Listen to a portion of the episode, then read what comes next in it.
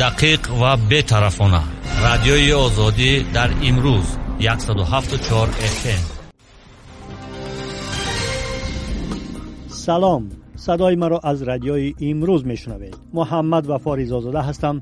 با تازه ترین خبر و گزارش های روز در خدمت شما. امروز 13 اکتبر و ساعت در دوشنبه 8 بعد از آنکه کمیسیون مرکزی انتخابات و رایپرسی تاجیکستان امام علی رحمان را برنده انتخابات پرزیدنتی 11 اکتبر اعلام کرد رهبران روسیه و چین و بلاروس و قزاقستان و ازبکستان او را تبریک کردند. دفتر مطبوعات کرملین روز دوازدهم اکتبر گفت ولادیمیر پوتین در برقیه شادباشیش رحمان را با پیروزی چشمرس تبریک کرده است. سی جین پین رهبر چین در برقیه تبریکاتیش که به قول خبرگزاری تس توسط تلویزیون مرکزی چین نشر شد گفته است که بروش روابط چین و تاجیکستان توجه زیاد ظاهر می‌کند. یکی از اولین نفرانی که روز دوشنبه امام رحمان الکساندر لوکاشنکا بود. خبرگزاری تاس می نویسد لوکاشنکا و رحمان همچنین مسائل جداگانه بین المللی و منطقوی را بررسی کردند.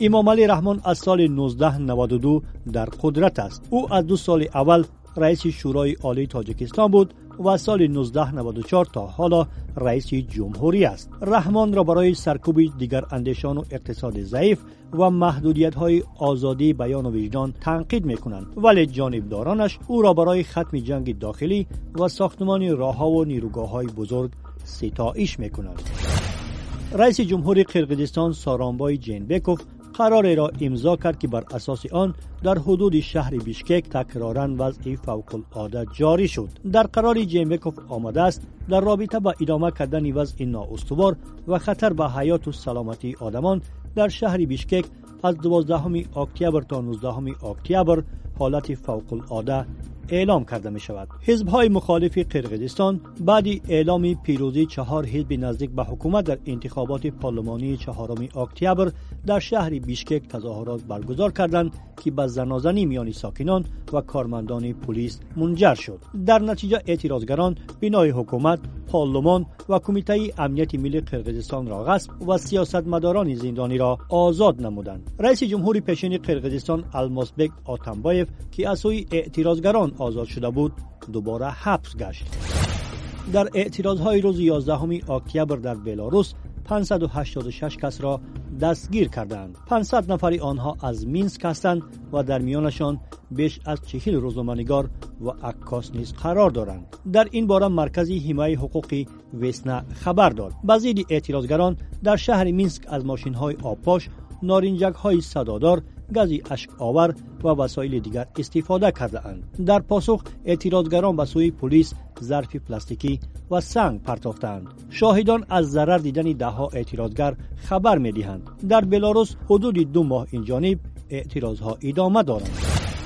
در منطقه های ترکمنستان کارمندان پلیس شهروندانی را که برای نپوشیدن نقاب تیبی بازداشت می شوند مجبور می کنند جریمه را بدون طلب رسید یا کویتانسیا پرداخت نمایند همچنین شخصانی که با سبب های گوناگون بازداشت می شوند اجبارا به پخت چینی فرستاده می شوند خبرنگار بخش ترکمنی رادیوی آزادی می گوید در شهر مر یا مری کارمندان پلیس ناگهان در ایستگاه ها حاضر شده شخصانی به نقاب را بازداشت کرده به شوبه می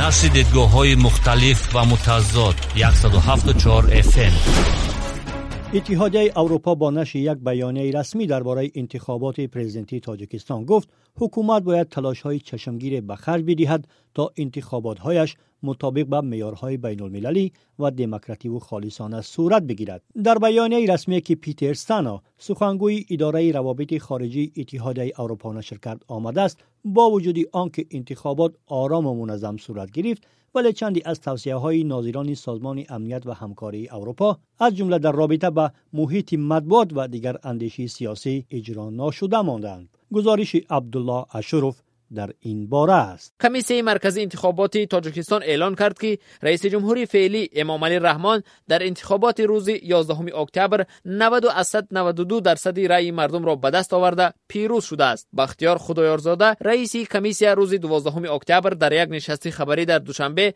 با اعلان نتیجه های پیشکی انتخابات گفت به طرفداری از امام علی رحمان بیشتر از 3 میلیون و 837 هزار نفر رأی دادند. کمیسیه مرکزی انتخابات و رای پرسی قرار قبول کرد که امام علی رحمان پرزیدنت جمهوری تاجیکستان انتخاب شده حسابیده شود در بیانیه که روز 12 اکتبر نشر شد آمده است تلاش های چشمگیر ضرور است تا که جریان انتخابات به عهدهداری های تاجیکستان در نزد سازمان امنیت و همکاری اروپا دیگر عهدهداری های بین المللی و معیارهای یک انتخابات دموکراتی مطابق کرده شود در بیانیه از جمله به ضرورت آزادی مطبوعات برای انعکاس خالصانه تحولات سیاسی در تمام گوشه های کشور تاکید شده است حکومت تاجیکستان را سالهای اخیر برای محدود کردن آزادی بیان. سرکوبی مطبوعات مستقل و دیگر اندیشان تنقید می‌کنند. اتحاد اروپا گفته است که حاضر است برای عملی کردن توصیه های ناظران بین المللی برای برگزار کردن انتخابات دموکراتی با تاجیکستان همکاری کند. قرار است گروه از ناظران سازمان امنیت و همکاری اروپا تا یکونیم ماه دیگر ارزیابی های خود از جریان انتخابات پرزیدنتی را بگویند.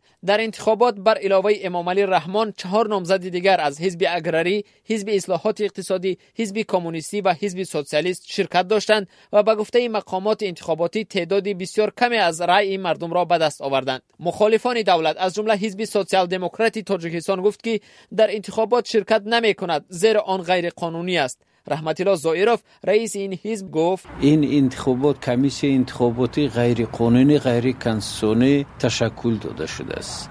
واکنش ها به انتخابات تاجیکستان. گزارش عبدالله اشورف را شنیدید.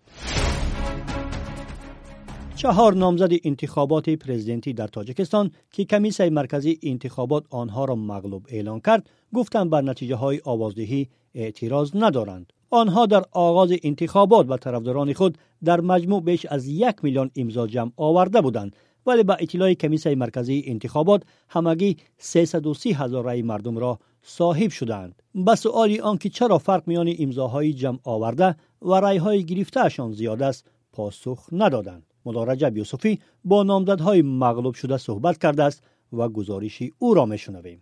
رئیس جمهور فعلی تاجیکستان که 28 سال این جانب در سر قدرت است روز 12 اکتبر دیگر بار از جانب کمیسیون مرکزی انتخابات برنده انتخابات اعلان شد. میراج عبدالله رئیس حزب کمونیست به اطلاع کمیسیون مرکزی انتخابات در انتخابات رأی کمترین مردم یا یک و از 17 درصد آوازها را صاحب شده است. در حالی که قبلا کمیسیون مرکزی انتخابات گفته بود با طرفداری از رهبری کمونیستان 5 درصد مردم امضا ماندند و این به 250 هزار کس برابر است. رئیس حزب کمونیست می‌گوید رأی که به او دادند قانع است او گفت حقیقت شخصیتی که انتخاب کرده ما شخصیت تاریخی است و همه حیات جامعه از آن وابسته است. من امیدوارم ما کمونیستان که در آینده هم حزب کمونیست دستگیری می‌کنند سه نامزد دیگر انتخابات پرزیدنتی نیز به مانند رهبری کمونیست ها گفتند با کمتر از 5 درصد رأی که به آنها دادند قناعت می‌کنند.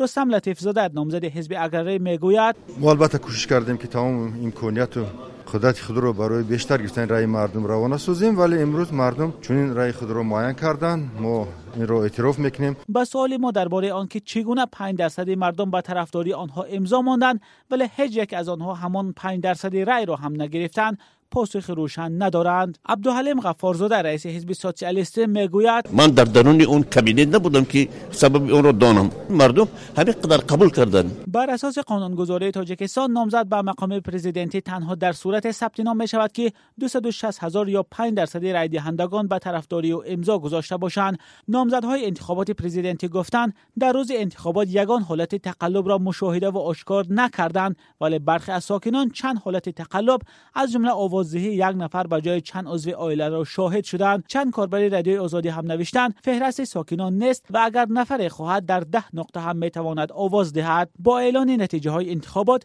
امام علی رحمان وارد پنجمین مرحله پرزیدنتی می شود طرفداران امام علی رحمان به این نظرند که نباید خدمت های او را نادیده گرفت. مخالفان رحمان می‌گویند مقامات به اشتراک نامزدهای مستقل در انتخابات اجازه نمی‌دهند و جریان آوازدهی هم زیر نظر مقامات و با تقلب میگذرد. مسئولان کمیسیون مرکزی انتخابات و رایپرسی همیشه چنین نظرها را رد کردند. نظر و واکنش نامزدهای انتخابات پرزیدنتی را شنیدید که کمیسیون مرکزی انتخابات آنها را مغلوب اعلان کرد. ملا رجب یوسفی گزارش می‌داد.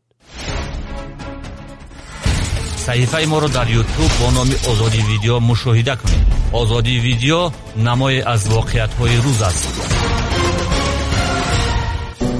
شما خبر و گزارش های رادیوی آزادی را روی موج 107.4 FM در پیشنهاد من محمد و فاریز آزاده شنیدید. خبر و ویدیوهای نو را از تاجیکستان و جهان در وبسایت رادیوی آزادی بخوانید و تماشا کنید. رادیوی آزادی در امروز 107.4 FM